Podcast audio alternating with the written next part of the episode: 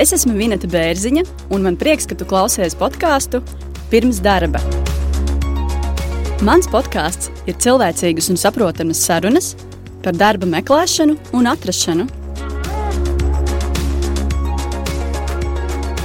Šodien epizodē podkāstā viesojas Jānis Kreilis no darba un informācijas portāla YourMove.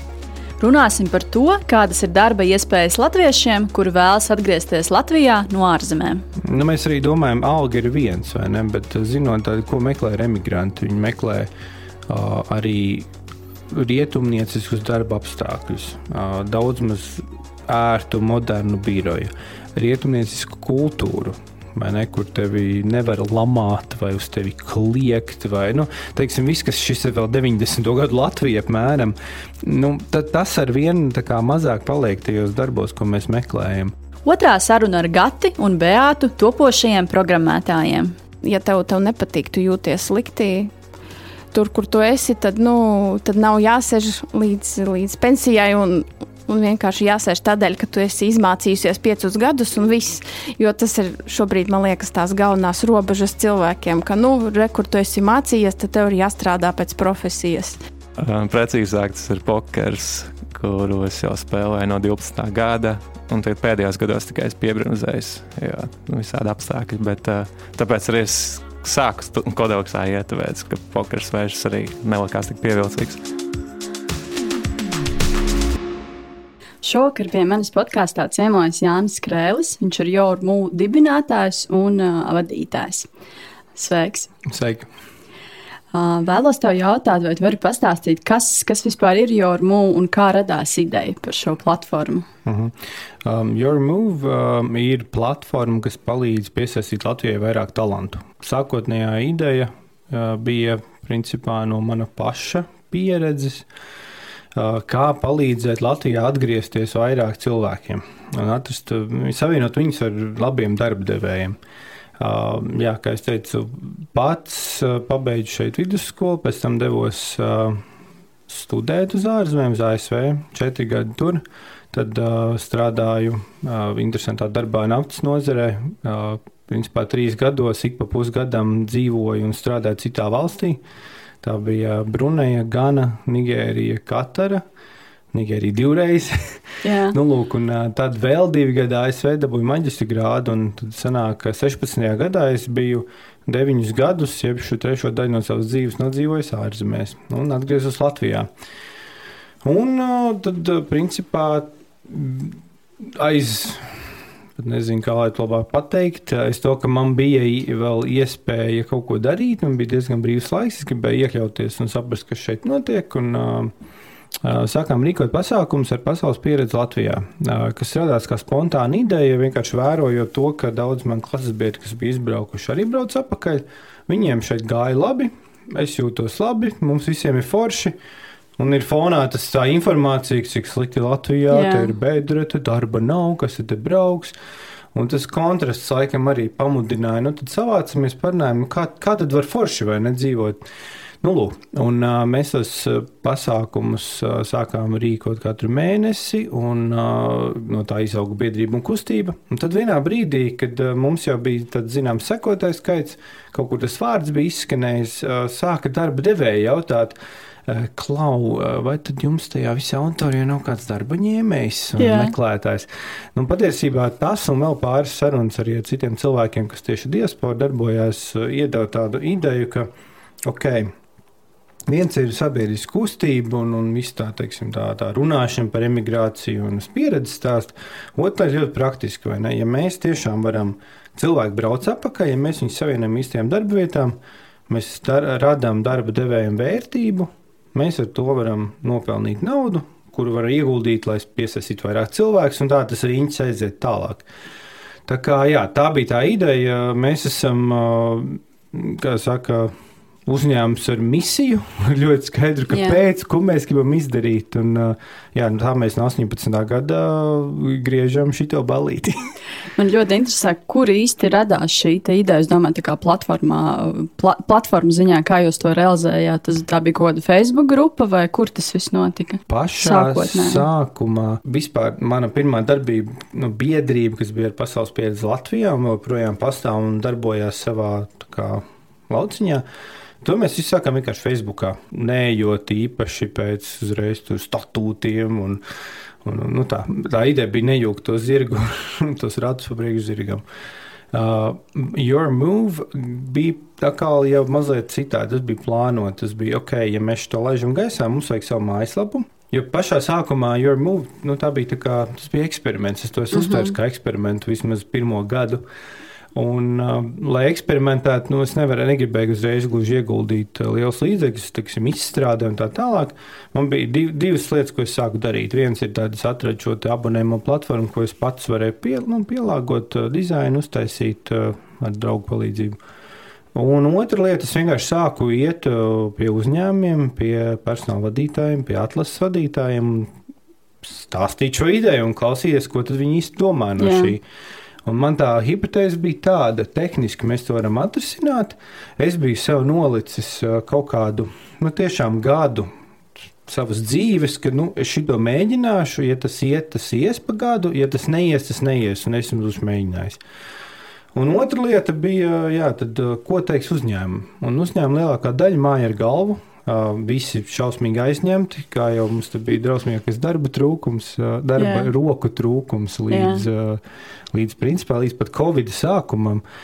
Tad tā doma bija, ok, nu, te it kā tie, tas tirgus, tā idejai liekas kopā. Un, zem radara no 17. gada rudens, principā es runāju ar uzņēmumiem nevienam neko nesakot, ka tāda lieta ir, ka kaut kur tāda mājaslapa pastāv un ka tur jau tā kā iesāk reģistrēties, jo mēs esam tirgus placis, vai ne? Mm -hmm. Vai gan piedāvājumu, gan pieprasījumu. Man tā ideja bija, ka mēs ejam vismaz ar simts vakancēm un taisam atklāšanas pasākumu. Tas izdevās, nu, no turienes, protams, ir gājis augstāk vai zemāk, yeah. bet nu, tas, tas tur, your move nekad nav bijis tukšs, es teikšu tā. Tad vakants, saprotu, jums tur ir, bet kādā veidā jūs piesaistat šos ārzemju latviešus, lai viņiem būtu interesēti uz šo platformu un tur būtu skatīties? Ļoti daudz mēs uh, strādājam tieši ar sociāliem tīkliem. Pamatā Facebook, Instagram, uh, LinkedIn, tagad arī ar vien aktīvāk vienkārši rakstam cilvēkiem stāstam. Tā ir viena lieta. Uh, otra lieta ir izmantojot. Uh, mums uh, diasporas teikā, organizāciju kanālus, uh, arī tur paša uh, biedrības ir pasaules pēc Latvijā pasākumos pieminot. Nu, tā, tās ir tās pamatlietas. Mēs ļoti aktīvi piedalāmies pasākumos. Un pēdējais ir tas, ka mēs esam ienākuši nu, tādā veidā varbūt no malas mazliet neprātīgi. Nozarē, kur ir lieli spēlētāji, kur viss ir skaidrs, bet tā mūsu tā misija un tas kāpēc ir ļāvis mums nonākt arī mēdījos, jo mēs runājam par kaut kādu tēmu. Un, līdz ar to jā, ir šī iespēja pakomentēt remigrāciju, pakomentēt remigrāciju darba tirgus kontekstā, jo mēs arī esam uzkrājuši daudz pieredzes tagad. Tā, tas palīdz, vai ne, ja te piemin kaut kur mēdījos, tad arī, teiksim, kaut kāda interese rodās, un tā tā visa tā mājiņa lēnām liekas tālāk kopā. Kā šī platforma kā reāli darbojas? Piemēram, es esmu darba meklētājs, kurš dzīvo kaut kur ārzemēs, bet esmu ar mieru atgriezties Latvijā kā es kā darba meklētājs varu atrast darbu caur šo platformu, kā, kā, kā tā platforma strādā? Um, jā, vienkārši ir jāaiziet uz YourMove.lv. Uh, Tātad tur ir izvietoti sludinājumi. Mums viņi nav tūkstošiem vēl, bet nu, ar cerību, ka, ka būs reiz. Uh, tad cilvēks var pats atrast, ja teiksim, pēc dažādiem uh, filtriem, pēc meklēšanas, vai vienkārši ieraugot vakanci, pieteikties tāds nu, kā standarta sludinājuma portāls. Otra lieta ir, ja cilvēks varbūt šobrīd nemeklē, bet vispār ir atvērts, lai viņu uzrunā, vai tas ir kaut kad vēlāk. Mums ir profilu sadaļa, kur cilvēks var pieregistrēties, uh, atstāt saiti uz savu LinkedIn vai pievienot savu CV, un tad viņš nonāk mūsu profilu datubāzē. Ja cilvēks tur ir, tad viņš ir interesēts par šo tēmu runāt, vai nu viņš jau ir Latvijā, viņš drīz brauks vai vēlāk brauks. Un tad to datu bāzi mēs izmantojam, tad, kad mums ienāk atlases projekti. Mēs, nu, Pirmkārt, skatāmies, kas mums ir pašiem, vai ne tie pirmie, kas ir pieteikušies. Un plānojam nākamgad to datu bāzi padarīt arī pieejamu darba devējiem. Tātad mums būs nu, plānojis jauns produkts, kur darbdevējs pats varēs atlasīt šos cilvēkus un nu, ar viņiem savienot. Tad konkurence CVLV datubāzē. Nu, nē, nu, es smējos, CVLV ir mūsu nozares uh, milzis un, uh, un, Jā. un visu cieņu 20 gadus pirmkārt izveidot kaut ko tādu Jā. un noturēties. Uh, mēs esam nišas spēlētājs ar ļoti noteiktu misiju. Es nezinu, vai mums kādreiz būs tie simti un tūkstoši, kas ir CVLV. Nu, bet mēs redzam, ka katram, katram teiksim, spēlētājam ir sava loma, un, un mēs meklējam to, un, nu, tā kā runājam tieši par to savējo. Man parasti jautā, nu labi, bet LinkedIn arī ir cilvēki. Nu, tu jau vari rakstīt uh, visiem Jāņiem, Pēteriem un Maijām Londonā ar ideju, varbūt gribi atpakaļ, bet uh, tas būs ļoti neefektīvi. Uh, Pie mums ir jau tas pirmais filtrs, tas cilvēks ir pateicis, pieregistrējoties, es esmu ieinteresēts. Jā. Nu, tālāk jau ir detaļas, vai der vai neder, kāda un tā tālāk. Bet tas pirmais tev nav randomā jāraksta pa visiem latviešiem Londonā, ja tev interesē kāds no turienes. Nu, tas ir tas, ko mēs gribam izdarīt. Kādiem darba meklētājiem šī platforma vispār ir uh, radīta? Vai, piemēram, ja esmu, uh, nezinu, būt kāds tehniskais darbinieks vai celtnieks, vai es arī tur atradīšu vakants, vai tur ir tikai biroja darbiniekiem? Uh, būvniecībā mums ir vakances, uh, ļoti daudz no skonto grupas, uh, kas arī ļoti ir aktīvi iesaistījušies savu balsi, kā saka, projicē pret diasporu un gaida cilvēks atpakaļ. Bet pamatā man jāsaka, mums ir biroja darbi. Kāpēc? Tas nav bijis tāds kaut kāds apzināts lēmums, mēs ejam tikai pēc šī, bet mūsuprāt, tā darba tirgus specifika, vienkārši valodā, tur ir pietiekami labas algas, lai tā dzīves kvalitāte Latvijā būtu ok vai pat laba.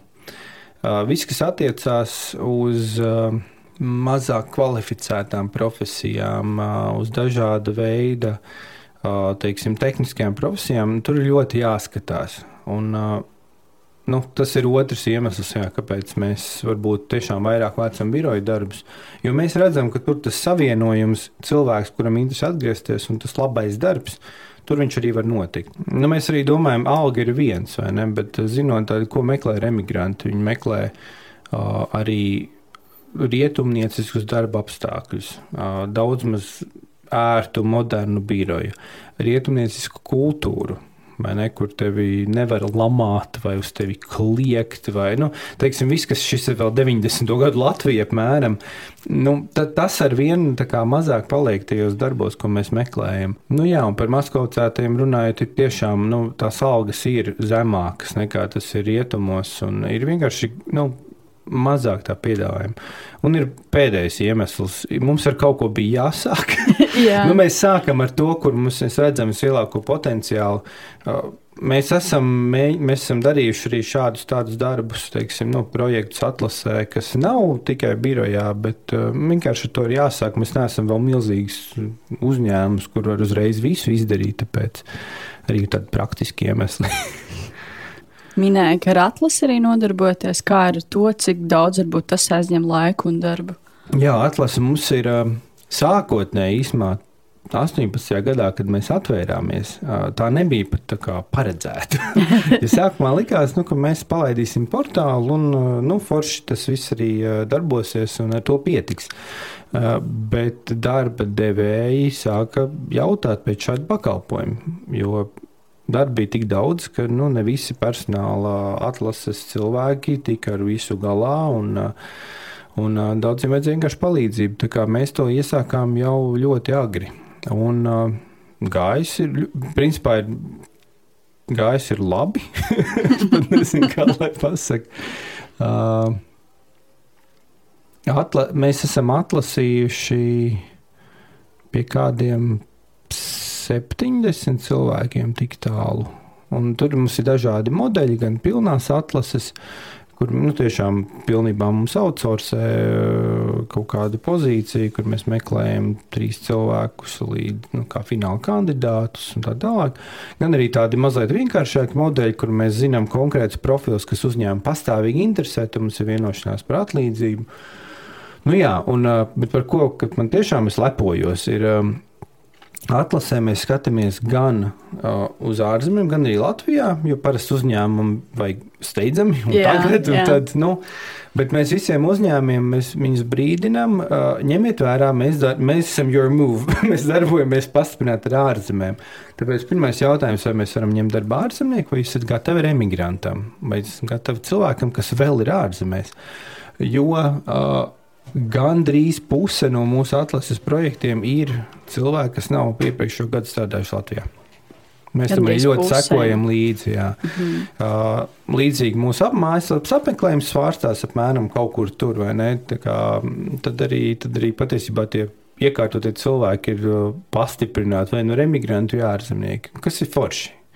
Un tajā pašā laikā tas arī, nu, uh, es atceros, pirmajā intervijā kas mums bija pēc atklāšanas, bija mm, jautājums, nu, tagad, ja es esmu Latvijā, tā kā es nevaru vairs pieteikties. Esam, protams, ka varam. Mēs neliekam nekādus šķēršļus. Vienkārši viss mūsu mārketings, viss tā, nu, teiksim, tas mūsu mērķis un drives ir uz šo te emigrāciju, mm bet šķēršļi jau nekādi nav. Un, un bieži vien, ko mēs redzam, ka cilvēki pie, nu, tie, kas piesakās, viņiem tā pasaules pieredze ir iepriekš kaut kad bijusi. Viņš varbūt jau šeit pieci gadi dzīvo, bet ir ārzemēs izglītojis vai iepriekš tur strādājis. Kā, nu, kaut, kaut kur mēs sākam veidot tādu ap šo laiku jau tādu. Tā kā, kaut kādu savu auditoriju, savu cilvēku, ar ko tad rēķināties. Un to mēs arī sakām uzņēmumiem, un tad arī atlasēs var bieži vien uh, nu, ir, ir, ir tiešām forši, ka tu redzi, jā, ka cilvēks ir palīdzējis. Nu, tā kā atbraucis atpakaļ un, un jūtas labi, un tad tu pēc trim mēnešiem iečekojies, viņam projām viss ir kārtībā. Kā, nu, tas, tas dod tādu siltu sirsnību. Tu arī iepriekš pieminēji statistiku, varbūt arī padalīties šo gadu pieredzē, kā, kāda ir šī statistika, kas ir. Pirmkārt, varbūt vai tu zini, cik varbūt latvieši ir atgriezušies no, atgriezušies no ārzemēm un sākuši strādāt Latvijā, cik ir tas cipars, varbūt kādiem citiem interesantiem cipariem arī padalīties. Uh, jā, man tāds vienkāršotais sauklis ir katru gadu Latvija atgriežas viena mazpilsēta. Cik tas ir? Mm, tas ir apmēram 5-6 tūkstoši cilvēku. Nu, 4 līdz 6 tas staigā. Nu, izklausās daudz, bet cik aizbrauc? Aizbrauc vairāk, vēl vairāk, joprojām. Jā. Jā. Uh, mums pagājušajā gadā bija, ne, 18. gadā bija mīnus 4000 starpība. Mm -hmm. Kas bija mazākā starpība 20 gadu laikā. Wow, tiešām mazākā. Jā, ne, tas viss tiešām, nu, jo, uh, ja mēs paskatāmies uh, no gadiem, tad. Sanāk tā, krīzes laikā, protams, bija baigais pīķis, nu, tas 9. gadā, teiksim. Pēc tam ap 11, 12 un tā tālāk katru gadu tas atgriezušos uh, skaits ir bijis tie 4 līdz 6 tūkstoši, bet no, no tā laika, no tā 11. gada visu laiku sarūk aizbraucēji. Jā. Nu, tas ir viens, protams, Latvijā ir mazāk cilvēkam aizbraukt. Bet otra lieta, nu, protams, algas kāpj, ekonomika attīstās. Nu, tas arī kaut kādas mm, lietas, vai ne? Process, un darbinieki ir, trūkst. Un darbinieki trūkst. Nu, līdz mm. ar to, principā, ko mēs sakam, jā, sama, nu, kā, tas, tā starpība samazinās, tas ir forši. Kad mēs tiksim līdz nulei, redzēsim. Ja mēs tiekam līdz nulē, tas ir īstenībā ļoti labi. Jo tas nozīmē, ka cik aizbrauc, cik atbrauc, bet Latvija bagātinās ar ārzemju pieredzi. Līdz ar to mums ir baigi svarīgi eh, pievērst uzmanību tam, ka cilvēki brauc un līdz ar to ir ar ko strādāt. Un tas mīts vai tas. Nu, Uh, hashtag viss slikti, ka neviens jau tur nebrauks, visi brauks. Pro. Daļa brauc, jā, bet mēs darbojamies tie, ka mēs braucam atpakaļ. Un, uh, Līdz ar to tas ir tāds skaidrs, nu, ar ko var jau kaut ko darīt. Un kas ir svarīgi, ja viņi atbraukuši, viņiem ir pats pamats, lai viņi paliktu šeit, ir labs darbs. Protams. Nu, tad, protams, pārējās lietas, viss sociālā aprūpe, nu, kā saka, dzīves iekārtošana, bet darbs ir, man liekas, pamats. Vai tev ir arī kāda stati statistika, kādu profesiju pārstāvis biežāk atgriežas Latvijā? Kādas varbūt ir tās vecuma grupas, uh, dzīvums, nezinu, kaut kādi citi, citi cipari? Tā statistika, principā, ko, ar ko mēs strādājam, tur jāsaka liels paldies Latvijas Universitātes diasporas pētījumu centram, jo viņi katru gadu izlaiž kādu lielu foršu pētījumu par uh, diasporu. Un, pēdējais bija, ja nemaldos, 16. gadā bija tāds tiešām ļoti apjomīgs, man liekas, ja nemaldos, vairāk kā 10 tūkstoši respondentu. Un 18. gadā bija tieši par pētījums par emigrantu darbā iekārtošanos. Mm -hmm. Kā viņi tas resurss, ko mēs skatāmies, un principā tajā 16. gadā bija tā, ka ar emigrantu vidū, tātad Latvijas diasporā, vismaz 20% ir augstākā izglītība. Re, tas nu, vērtīgs resurss. Un uh, virs 20% strādā ausi kvalificētās garīgā darba profesijās. Kā tas, ka, nu, smejoties, visi aizbrauc uz ēnas lasīt, nu, Tā gluži tā nav. nebūs. Jā. Jā. Līdz ar to tas ir viens. Brauc, kas brauc atpakaļ, man laikam nebūs precīzi dati. Mm -hmm. Vismaz nu, uzreiz tā pieejama. Bet, nu, mēs varam pieņemt, ka kaut kur nu, tas pīrāgs brauc arī atpakaļ. Bet, uh, jā, ar ko mēs vairāk strādājam, nu, kāds ir piedāvājums, tāds ir pieprasījums. Uh, mēs uh, vairāk varam uzrunāt tieši biroja darbiniekus, kvalificētos darbiniekus, speciālistus, vadītājus, vidējos vadītājus. Nu, tā kaut kā. Kāpēc vispār cilvēki vēlas atgriezties Latvijā? Kādi ir tie galvenie viņu motīvi? Jā, jā, es teiktu, ka tas galvenais motīvs ir uh, emocionāls. Gribu mājās, vienkārši patīk Latvijā. Nezinu, un kaut kur dažiem ir tāda patriotiskāka, dažiem ir vairāk praktiska, te ir forši un ērti. Tad, ko vēl mēs esam pamanījuši, ka mm, ir kaut kādi dzīves punkti, kad vairāk tā, kad cilvēks domā, ka jābrauc atpakaļ. Uh, viens ir pēc studijām, parasti nedaudz pastrādāju. Nu, ok, par pieredzi ir, esmu gatavs startēt tālāk šeit. Nākamais ir uz bērniem lielais uh, punkts, un te ļoti atkarīgs, kādā valstī tu dzīvo. Jo, nu, ja Zviedrijā varbūt uh, mēs tur mums ir grūti sacensties ar Zviedru kaut kādu bērnu mm. -hmm. aprūpi, tad, piemēram, uh, pret Angliju, man liekas, mēs diezgan labi varam turēt līdzi, vai pat tas piedāvājums varētu būt pat labāks. Un tad kaut kur uh, vienā brīdī bērni sāk iet skolā, ir vēl viens, nu, jo parasti viņus negribēs kaut kur pārvākt. Un, uh, un tad, tad jau parādās jautājumi par to, par vecākiem, vai viņiem nav jāpalīdz, vai viņi nav jau tā kā gados. vai tu vari arī atklāt, kas Latvijā varbūt ir tie uzņēmumi, kuri ar atklātām rokām gaida tos aizbraucējus? Ja to varētu tā vilkt kopā, tad uh, es kaut kur Latvijā redzu tādas kā trīs ekonomikas. Mm -hmm. Mums ir vietējā, latviešu runājošais darba tirgus, kas ir uh, principā vai nu mazi uzņēmumi, kas darbojas tikai šajā tirgu, nu, kafejnīcas, restorāni, kaut kas tāds, un tur ir viss sabiedriskais sektors. Un tur ir absolūti noteikti simtprocentīgi jāzina latviešu valoda, un bieži var iztikt ar to. Nu, lūk. Tad ir otrs, ir krieviski runājošais sektors, kas ir ar NVS ekonomiku saistīts vai caur investīcijām, vai caur tirzniecības saitēm. Un, uh, tur noteikti ir jāzina krievu valoda un uh, nu, vēlams angļu vai latviešu. Un tad ir tie, tie uzņēmumi, kas darbojas angliski runājušā starptautiskajā ekonomikā. Un tas ir eksportētāji, startupi vai liela uzņēmuma filiālis.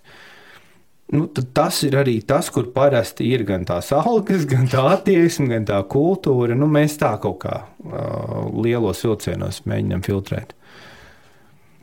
Ar ko varbūt vispār atšķiras cilvēki, jeb darba meklētāji, kuri, kuri varbūt vismaz pāris gadus ir strādājuši ārzemēs, no, no tiem, kuri, kuri ir pilnīgi, pilnīgi vietējie cilvēki un varbūt nav ne reizi strādājuši ārzemēs vai bijuši ārzemēs. Uh, jā. Uh, Ko es ļoti negribētu, ir pateikt, nē, nu, ziniet, tie emigranti kā mēs, nu, tie ir tā kā labāki cilvēki. nē, nu, nu, tādām, uh, zinām, Es laikam atbildētu drīzāk uz jautājumu, ko dod pasaules pieredze. Nu, es neprasu, tā. kurš ir labāks, kurš ir sliktāks, kas, kas Nē, varbūt ir tie, tās. Um, to, ko tie cilvēki ir iemācījušies, Jā. un kas ir plus, ko viņi var dot darba devējiem Latvijā ar to pieredzi ārzemēs. Kaut kādu darba kultūru, citādāku, ka tev vispār ir variants, ka var strādāt citādāk. Un tas, ko mēs redzam, nu, teiksim, runājot ar darba devējiem, ir, ka ārzemēs daudzās jomās kaut kā tomēr māca efektīvāk strādāt. Ir kaut kādi tādi, nu, vai kā organizācija izveidota tāda, vai tā darba plānošana, ka tev ir tādi knifiņi, ka tev vienkārši tas viss mehānisms strādā efektīvāk. Tas ir viens. Otrs ir kaut kāds uh, redzējums un pasaules izpratne. Vienkārši kaut kāda atvērtāka domāšana. Uh, iecietīgāka attieksme pret uh, kaut ko citādāku, pret saviem līdz uh, teiksim, kolēģiem un, un komandas biedriem. Uh, un tas, man liekas, nāk tajā tomēr rietumu korporatīvajā, bet vispār rietumu kultūrā kaut kāda pieklājība iecietība, vai ne? Nu, tad tas kaut kā arī Latvijā paliek ar vien labāk, bet mums vēl ir šie 90. kur tu vari kaut kā, nu, mēs varbūt šādi bišķiņi rupji. uh, nu jā, pēc idejas, šaliekot šo kopā, tad mēs varam būt tieši, bet ne rupji. nu tā, tādas grūti definējamas lietas, bet man liekas, ka tajā arī nāk tā, tā pasaules pieredze. Un tad ir, protams, kaut kādas konkrētas prasmes, ne, par uh, kaut kādu darbu organizāciju, par kaut kādiem rīkiem, par vadības stiliem, nezinu, jā, varētu saukt, nesaukt. Uh, Jāni, ko varbūt ieteiktu tiem, kuri meklē darbu Latvijā, attiecīgi tie darba meklētāji no Latvijas, kur dzīvo ārzemēs, varbūt ir kaut kādi šķēršļi, kas viņiem traucē atrast darbu šeit Latvijā? Noteikti sākt runāt, nu, tas pirmais padoms būtu, jā, noteikti sākt runāt ar visiem paziņām, draugiem, radiem, visiem kontaktiem, kas šeit viņiem Latvijā ir, ka viņiem ir šāda ideja, ka viņi gribētu braukt atpakaļ. Uh, tajā brīdī tu savā tīklā raidi signālu, ka tev šī lieta interesē. Tā kā Latvija ir ļoti maza, tad to vajadzētu arī izmantot. Jo mums caur diviem, trim cilvēkiem, principā, tu apģēri visu, visu mūsu valsti. Nu, lūk, uh, jo tā mazai atkāpei, uh, esmu pamanījis, ka daudziem mums ir kaut kā tā kā bet īpaši varbūt ne pašai jaunākajai paudzei, bet teiksim, vidējai paudzei un, un tālāk, ir kaut kur tā ideja, ka atrast darbu caur paziņām, nu, tas nu ir kaut kas šausmīgs. Nu, te, jau, te jau tikai pazīstamos ņem darbā. Tur, Esmu nu, dzirdējis. Nu, jā. protams. Mana, mans pirmais padoms, tad, kad es uh, beidzu universitāti štatos, un gāju uz karjeras centru. Tur ir nu, kaut kādas lekcijas, kā atrast darbu un tā tālāk. Tā kā, ja tu gribi atrast darbu, at, iepazīsties ar cilvēkiem, kas strādā tur, kur tu gribi strādāt. Vislabākais veids. Nu, lūk, es zinu, kāpēc mums veidojas tā attieksme. Jo nu, ir viens paņem darbā kvalificētu paziņu, otrs paņemt ir šofera dēlu, tāpēc viņš ir vienkārši šofera dēls. Jā. Es to saprotu, bet pats par sevi tas nav nekas slikts. Ne? Cilvēki ņem darbā vispār ap sevi velk tīklos tos, ko viņi pazīst. Tas ir tas pirmais, un tur nevajag neko kautrēties un domāt par konkursiem un visiem nolikumiem tā tālāk, jo tā ir tāda birokrātiska izpratne par darba tirgu, kas eh, arvien mazāk, man liekas, vispār mūsdienu pasaulē eh, pastāvēs. Nu, lūk, tā kā tā aktivizēt principā savu tīklu. Otrais ir, eh, tad, nu, caur to varētu arī mēģināt, un mēs varam palīdzēt, pētīt, saprast, kādas vispār tās iespējas ir. Uh, Jo ir profesijas, kur ļoti ir labas iespējas, un ir, nu, kā man viena klases biedrene, viņa ir aķežu zinātniece. Nu, vienkārši tā pozīcija Latvijā nepastāv kā tāda. Es, nu, tāds ļoti ekstrēms piemērs. Yeah. Bet uh, Latvijas darba tirgus specifika ir tāda, ka mums ir um, mazas organizācijas un mums uh, šie pienākumi daudz bieži vien plašāki nekā tas būtu ļoti šauras nišas, teiksim, speciālistiem. Nevis jā, mārketinga vadītājs šeit ķer visu. Tur var būt cilvēks, kas ir ļoti pieredzējis, viņš ir tikai, piemēram, noteiktos digitālā mārketinga kanālos. Tas ir viens, nu, kā sagatavoties. Uh, Un, uh, un tas ir īpaši attiecās uz cilvēkiem, kas strādā ļoti, ļoti lielās korporācijās, kuriem es tiešām nu, redzu, ka viņam ir izcila. Cilvēks ir ļoti gudrs, ļoti, viņam ir izcila teiksim, pieredze, viņš ir sevi pierādījis, bet viņam ir tik um, tāda pozīcija, viņa ir tik specifiska, kura var pastāvēt tikai tad, ja tev organizācijā ir kaut kādi 4000 cilvēku.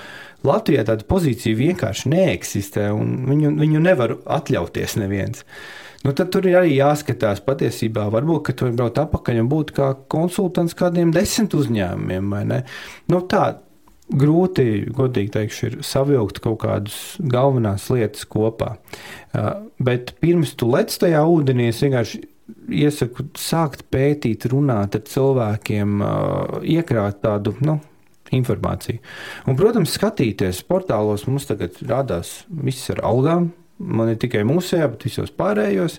Vienkārši vērot, kas notiek tajā darba tirgu. Un tad jau pēc kādiem pāris mēnešiem parasti izveidojas mazliet labāka tāda sajūta. Un, nu jā, un noteikti jā, var vērsties pie mums arī pēc sarunas par šo.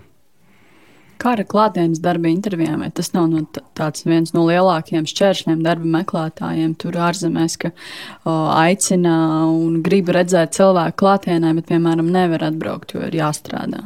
Ir bijuši ekstrēmi nu, izņēmumu gadījumi, kur patiesībā cilvēks ir pieņemts darbā pilnībā attālināti. Viņš nekad nav satikts, bet tas nav vairākums.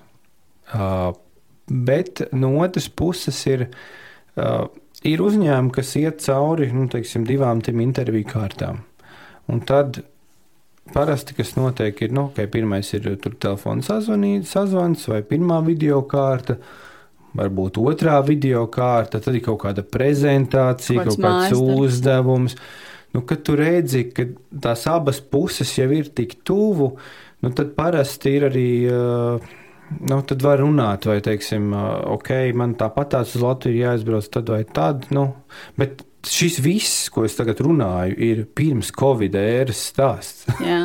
ar Covid ēru, man liekas, nu, mēs vienu brīdi vispār nu, pārgājām tikai uz attālinātajām intervijām.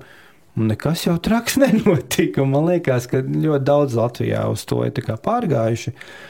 Tas iedos kaut kādu grūdienu patiesībā tādā pozitīvā virzienā, ka cilvēki varētu justies nu, komfortablāk ar ideju, ka es tur, nē, tur nav tā gaļa pat valstīt, ne, nav redzēts dzīvē. Jā, kā, nu, jā. Bet tas tev... ir faktors. Noteikti tas ir kaut kāds faktors. Ko tu saki par tādu stereotipu? Ja cilvēks brauc atpakaļ no ārzemēm, tad uh, domā, ka viņš ir sliņķis, neveiksminieks un, un tāds, kuram nav veicies ārzemēs, un tāpēc viņš atgriežas Latvijā. Nu jā, tad, kā saka, no bedres izrāpās, bet nekas jau neizdevās, un tajā bedrē jāripo vien apakaļ. uh, es pat nezinu, kas tāds tātad. Ko, ko šī doma nozīmē? Ir tas, ka cilvēks, kas kaut ko tādu ir izdomājis, uzskata, ka ārzemēs noteikti ir labāk, un Latvijā noteikti ir sliktāk.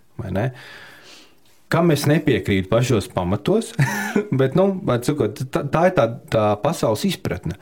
Un tad, nu, ja jau tu esi atpakaļ, tad atgriezies uz kaut ko sliktāku.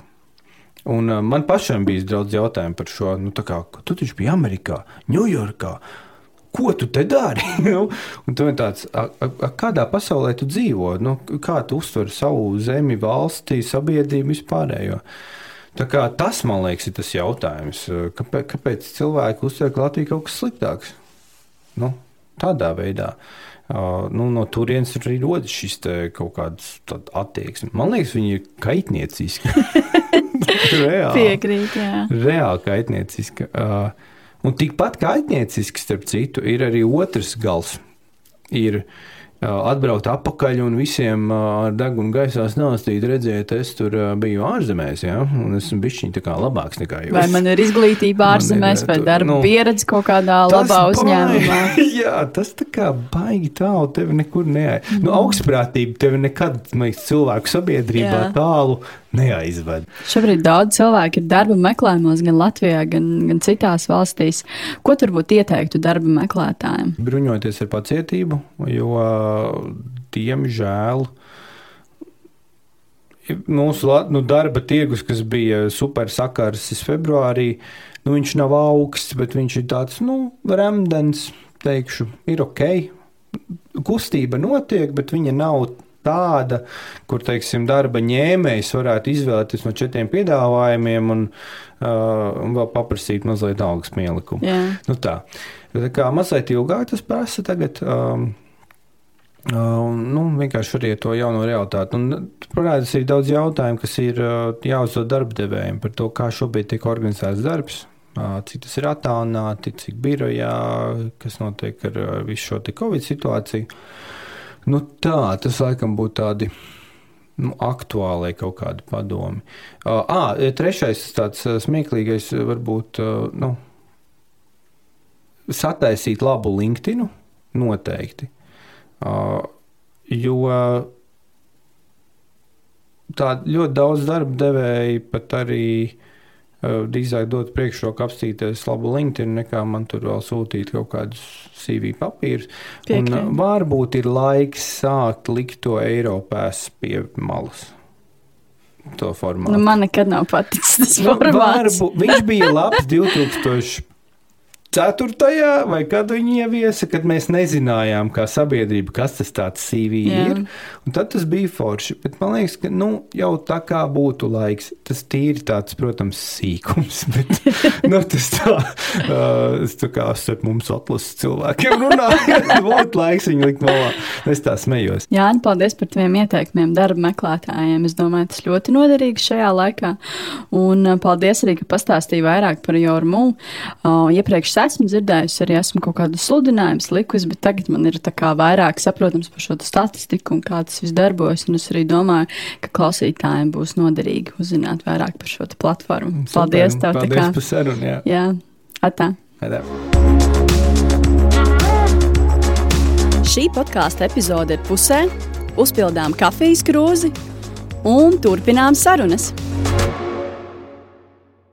Kādu laiciņu jau sadarbojamies ar Kodaleks programmēšanas kursiem, un ir bijušas vairākas intervijas ar studentiem, kuri pabeiguši šos kursus.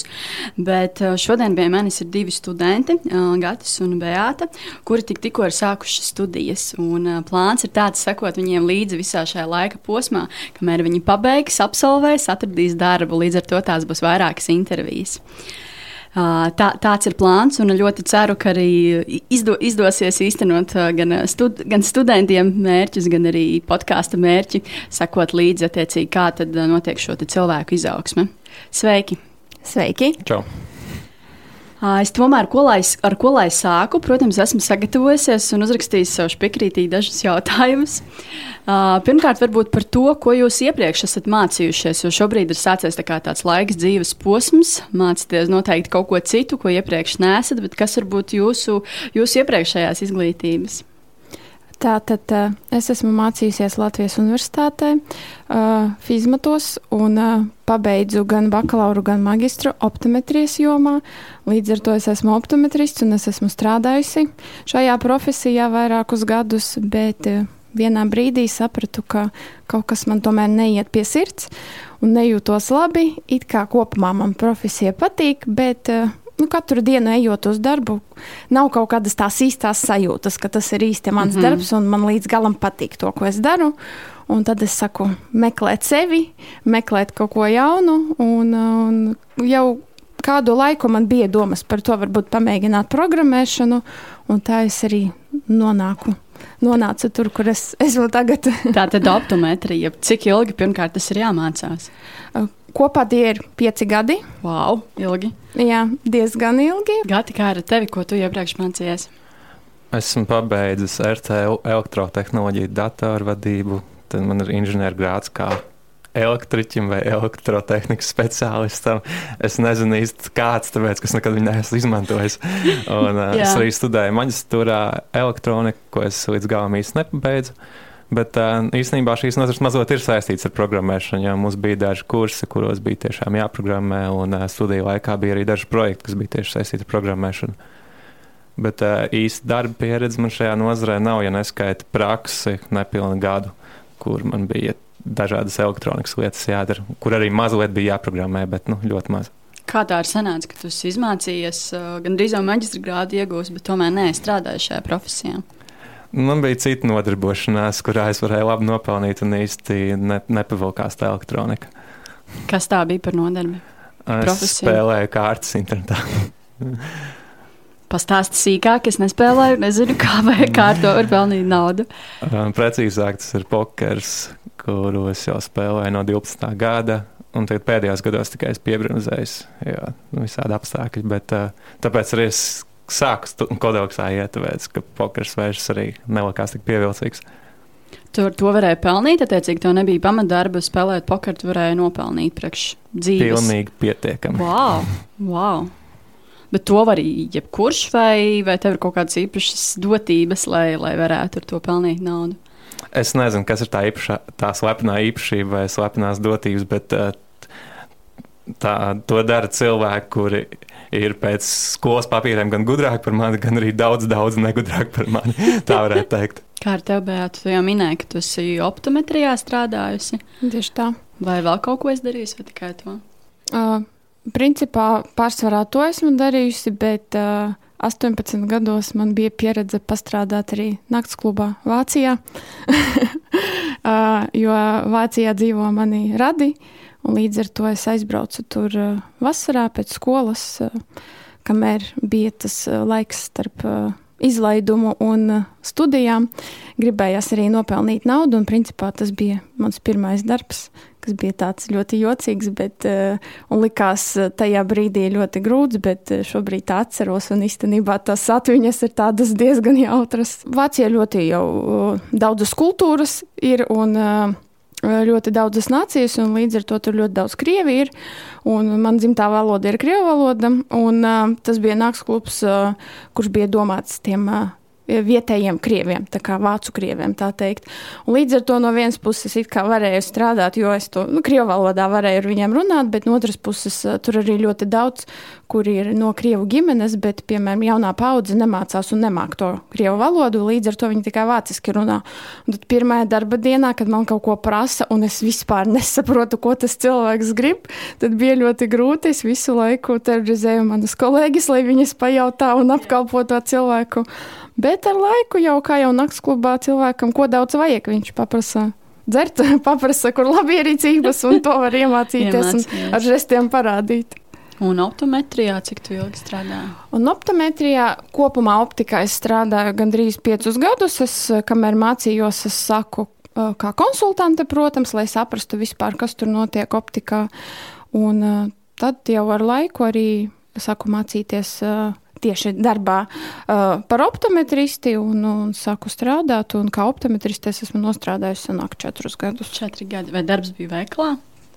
Uh, jā, jā, man bija darbs gan. Uh, optikas salonā. Jā, tas jā, tā ir pareizāk. Jā. Jā. Uh, gan arī pēdējā darba vieta bija klīnika, kur jau nav tā pārdošanas. Uh, daļa, bet, bet pārsvarā tieši jau konkrēti medicīniskie pakalpojumi un redzes pārbaudas. Jā.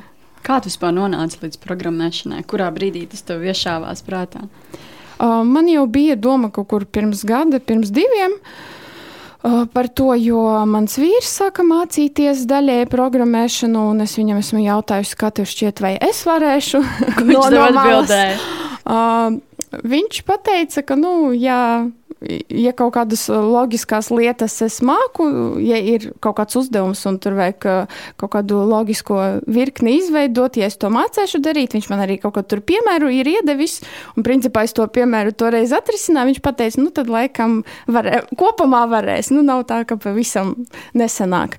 Bet, uh, kad man parādījās tā tiešām problēma, ka nu nav kaut kas darbā nepatīk, uh, tad es arī sazinājos ar karjeras koču. Jo man tiešām gribēs saprast, kurā virzienā man tālāk doties. Un tad mēs esam ar viņu izrunājuši, un viņa arī kā, notestējot man, tā teikt, pateica, ka nu, tā IT sfēra. Uh, varētu būt tas pamats un, un tas virziens mans īstais. Tāpēc es izdomāju, ja man jau iepriekš arī bija tādas domas, tad varbūt tiešām jāpamēģina beidzot, nevis tikai jādomā par to. Nu, labi, tad tu nolēmi mācīties programmēšanu, bet kā, kā tu izlēmi, ka tie tieši ir kursi, nevis iet kaut kur studēt, un kā tu vispār izvēlējies Kodeleks? Esmu izmācījusies tos piecus gadus un saprotu, ka tomēr uh, tas arī tas ir vērts, tas ir pavisam cita izglītība, bet uh, negribās tik ļoti daudz laika uz to terēt. Tomēr, uh, ja tas ir studijas universitātē, nu, tad tas nozīmē, ka vairāki gadi būs pavadīti studējot, un tad, eh, bet attiecīgi gribās arī strādāt un pelnīt kaut kādu naudu. Un tāpēc to, to domu es atmetu, un es izdomāju, ka kursi tas varētu būt iespēja vai nu pusi uz pusi apvienot ar darbu, vai nu arī. Uh, Tas otrais variants, kāpēc kā es nonācu līdz kodeleksam, es esmu izdomājis, ka varbūt es varu sev atļauties kaut kādu laiku nestrādāt, bet līdz ar to es gribu to laiku maksimāli, maksimāli ieguldīt mācībās, uh, lai es nevis sēžu un, un tur neko nedaru mājās, bet es izmācos un tiešām es pēc tam varu vai nu uz puslodzi strādāt un paralēli vēl kaut ko mācīties, vēl kaut kādus kursus apmeklēt, nu, vai nu kaut kādā tādā veidā un pa lielam daudz meklēju un tā, tā vienīgā iespēja, kur tā teikt pir, pilna laika studijas, tie arī bija kodeleks kursi, jo vispārējais pārsvarā ir reizi nedēļā, kaut kad vakarā, un līdz ar to tas arī viss vilksies ļoti, ļoti ilgi ko es negribēju. Gati, kāds ir tavs stāsts? Kā tu nonāci līdz programmēšanai? Tu minēji, ka jau augstskolā esi kaut ko mācījies nedaudz, bet kā Jā. šī ideja tapa tā? Jā, nu, programmēšana jau sākot to, ka viņa vidusskolā parādījās tāda lieta, bet uh, augstskolā es jau jūtu, ka man padodas, un man jau bija kaut kāda interese par to. Tādā hobija līmenī, protams, nekad to neredzēju īsti kā profesionālu virzienu, bet uh, tad jau es sapratu, ka tas man varētu sanākt un būs forši. Un, uh, Tagad vienkārši, kad esmu izlēmis mainīt pilnībā karjeru, tad es atceros, to, ka programmēšana ir tā lieta, ko es varētu darīt. Un, uh, man ļoti svarīgi ir tas, lai uh, tieši pokeru spēlējot, es sapratu, ka ļoti svarīgi, lai būtu tā brīvība, kad es varu izvēlēties, kad strādāt un kad ne. Un programmēšanas profesija īstenībā ir tā lieta, kas tev ļauj būt ļoti fleksiblam, ja tu atrodi īsto vietu, kur strādāt. Kā ar šīm uh, izvēles iespējām? Cik tev bija variantu, no kā izvēlēties? Vai tu apsvēri iespējas iet studēt augstskolā? Noteikti nē, es īstenībā visu laiku apsvēru to, kas vienkārši pats mācīšos, un uh, nekādos kursos neiešu neko tādu. Bet uh, kodoks vienkārši bija īstajā laikā, īstajā vietā. Tagad un, uh, man bija draugs, kurš īstenībā arī no pokera pārgāja uz programmēšanu tieši caur kodoleks, un tāpēc es zināju, ka tas ir iespējams, tas pa, iespējams palīdzēs. Un, uh, tā arī tas bija vienīgais variants. Draugs tagad jau programmējās. Jā, jā viņš, viņam vispār īsti nebija nekāds uh, programmēšanas background, tā teikt. Viņš arī dažos mēnešos jau dabūja darbu. Tad tev tāds liel, lielisks motivators, kur tu redzi, ka re, kur ir. Nu, es redzu, ka tas ir iespējams. Jā. ir iespējams. Kādi, kādi pirmie iespējas? Tie, kurš ļoti motivē. Tas uh, kodoks formāts ļoti motivē to darīt arī visu dienu, un nav tā, ka tu īsti nogursti. Uh, ja, būt, ja tev pašam būtu jāpiespiež, un tu būtu pats vienīgais, kurš sev uh, notur grožos, tad tas nebūtu iespējams. Varbūt cilvēks ar ļoti spēcīgu raksturu un ko tādu gribas spēku, bet, nu, laikam, es neesmu tik spēcīgs tādā ziņā. Kā ar specializāciju vai jūsu, vai jūsu grupai uh, ir kaut kāda konkrēta programmēšanas valoda vai vairākas vai, vai kaut kas tam līdzīgs, ko jūs mācāties? Ah, tad specializācija kursa nosaukums ir frontend programmētājs. Tas nozīmē, ka mēs strādājam priekšpusē tam, ko lietotājs redzēs. Un, tās valodas ir uh, uh, JavaScript, HTML, CSS un viss ar to saistīts. Kas ir Gati, tā tās, tavs lielākais motivators, kāpēc tu izdomāji tomēr iet un mācīties programmēšanu? Tāpēc, ka es ticu, ka es varēšu pats būt savu darbu laika noteicējs, un es ticu, ka es varēšu pelnīt pietiekami daudz, uh, nestrādājot tik daudz stundas, kā man būtu jāstrādā iespējams citā profesijā. Galvenokārt tie bija tie divi apstākļi. Nu, protams, tas, ka man arī ir svarīgi arī interesanti to darīt. Man pagaidām tā liekas, ka man ir interesanti. Kādam man cik gados to var sasniegt, to, ko tu tikko minēji? Vai tas ir uzreiz, vai tomēr ir jāpaiet kaut kādam laika sprīdim? Tas droši vien ļoti atkarīgs no katra cilvēka. tur, tur tas, ir, tas nav atbildams jautājums. Vai tu sev kaut kādu mērķi nospraudis, cik ilgā laikā tu to vēlēsi? Tieši sasniegt to savu sapņu variantu. jā, jā. ah, nu es nospraucu, kā divu gadu laikā es var, vajadzētu tikt līdz tam. Kā ar tevi, Beata, kāds, kas, kas ir tos tā tās lielākais motivators sākt šo visu mācīties un darīt? Un kā jau es minēju, tā kā es meklēju kaut kādu profesiju, kas kas būtu mana sirds lieta, un tā tad um, īstenībā vienā brīdī, protams, mūsdienās uh, tā, tā, tā nauda ir visam priekšā un uh, ir neatņēmama daļa tā teikt, bet īstenībā uh, es izvēlējos to profesiju tādēļ, nu, ka, atkal, ka man bija tā doma, un es ar to karjeras koču par to runāju.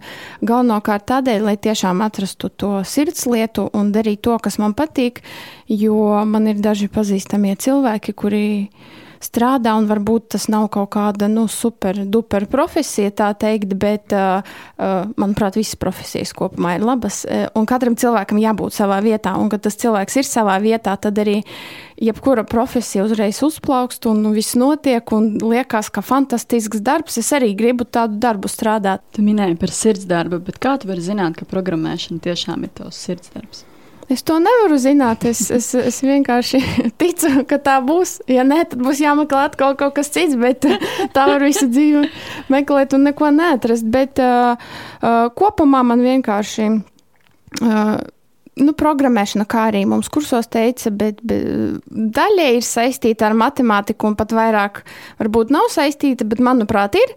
Un, uh, man no skolas laikiem matemātika bija tāda mīļākā lieta un mīļākais priekšmets. Un, uh, līdz ar to es ceru, ka, ka es tajā pareizajā taciņā esmu nonākusi. Cik tā bija vidusskolā matemātikā? Godīgi neatceros, bet pēdējos gados man ļoti, ļoti patika. Es biju sajūsmā, tāpēc es izvēlējos fizmatus un to optometriju īstenībā, tāpēc, ka tas bija fizmatu nodaļā. Līdz ar to tas arī jau ir kaut kāda zīme. Par ko šo visu saka tavi draugi, radinieki? Um, īstenībā draugi atbalsta diezgan. Viņi, protams, bija šokēti, ka, ka es pēkšņi uh, pametu savu profesiju, jo man pārsvarā šobrīd arī visi draugi ir no, no optikas nozares, tā teikt. Bet visi atbalstīja, jo pateica, nu, tiešām, ja tev, tev nepatīk, tu jūties slikti. Tur, kur tu esi, tad, nu, tad nav jāsēž līdz, līdz pensijai un, un vienkārši jāsēž tādēļ, ka tu esi izmācījusies piecus gadus un viss. Jo tas ir šobrīd, man liekas, tās galvenās robežas cilvēkiem, ka, nu, re, kur tu esi mācījies, tad tev ir jāstrādā pēc profesijas. Uh, vecāki, protams, uh, tie jau tā no sākuma ar skepsi paskatījās uz mani un īstenībā gribēja mani atrunāt un pateica, nu kā, kā tā. Un uh, joprojām viņi domā, ka varbūt es pārdomāšu, bet uh, es pateicu, nu man, man ir tas grāts un līdz ar to, ja es galīgi sapratīšu, ka, ka ne, programmēšana nav mana lieta un es, es vienmēr varu atgriezties, jo, protams. jo man tā profesija ir un tā zināšanas ir, protams, pēc ilgākā laika kaut ko vajadzēs varbūt atjaunot kādas zināšanas un tā, bet tomēr tas pamats vienmēr paliks. Līdz ar to es sapratu, ka vienkārši uh, pakļauties tiem stereotipiem un tagad darīt to tikai tāpēc, ka jau rekur ir, ir ieguldīts laiks un tā tālāk, nu, tad uh, nav vērts tomēr. Gati, kā ar tevi? Ko saka tavi, ir, tā, tava ģimene, draugi par šo visu? Protams, ļoti priecīgi, tāpēc, ka vēl joprojām gan rādi, gan draugi līdz galam nav noticējuši, ka spēlēt kārtas internetā ir stabils un īsts darbs. Tāpēc vecāki ir ļoti priecīgi par šo, ka es tagad esmu izlēms tomēr īsti cilvēku darbu strādāt, un arī, un arī sieva priecājas. Protams, viņai tagad grūti, jo viņai būs jāpierēt pie tā, ka visticamāk es būšu katru darbu dienu iespējams oficiālā. Un, pie tā viņi vēl tagad cenšas sev noskaņot psiholoģiski. Bet pastāstiet, varbūt jūs abi par saviem pirmajiem iespējām par šīm divām pirmajām nedēļām, kādas ir sajūtas, kādi ir cilvēki, kas ir jūsu grupā, ko jūs jau mācāties, ko esat apgūši, vai kaut kādas bažas vai šaubas jau ir radušās. Mans iespējas ir tāds, ka nu, nenormāli apjomi un uh, Man ir sajūta, ka es palikšu sirma uz kursu beigām. man liekas, man jau tie mati sirmi ir parādījušies pa šīm divām nedēļām. Un, jo nu, tiešām tas ir non-stopā darbs katru dienu no rīta līdz vakaram. tu esi pie datora, tu kaut ko dari. Uh, tu ej gulēt, tev kaut kādas domas vēl ir, ah, ko es tur varēju izdarīt. Tu pamodies ar domu, tā es tulīt ieslēgšu datoru, es darīšu šito un šito, un kā es tur jau varu tur kodu to pielabot, un wow. ko es darīšu. Nu, varbūt tas ir atkarīgs, protams, no cilvēka, bet es esmu tāds cilvēks. un līdz ar to ir pagrūti, ir stress diezgan.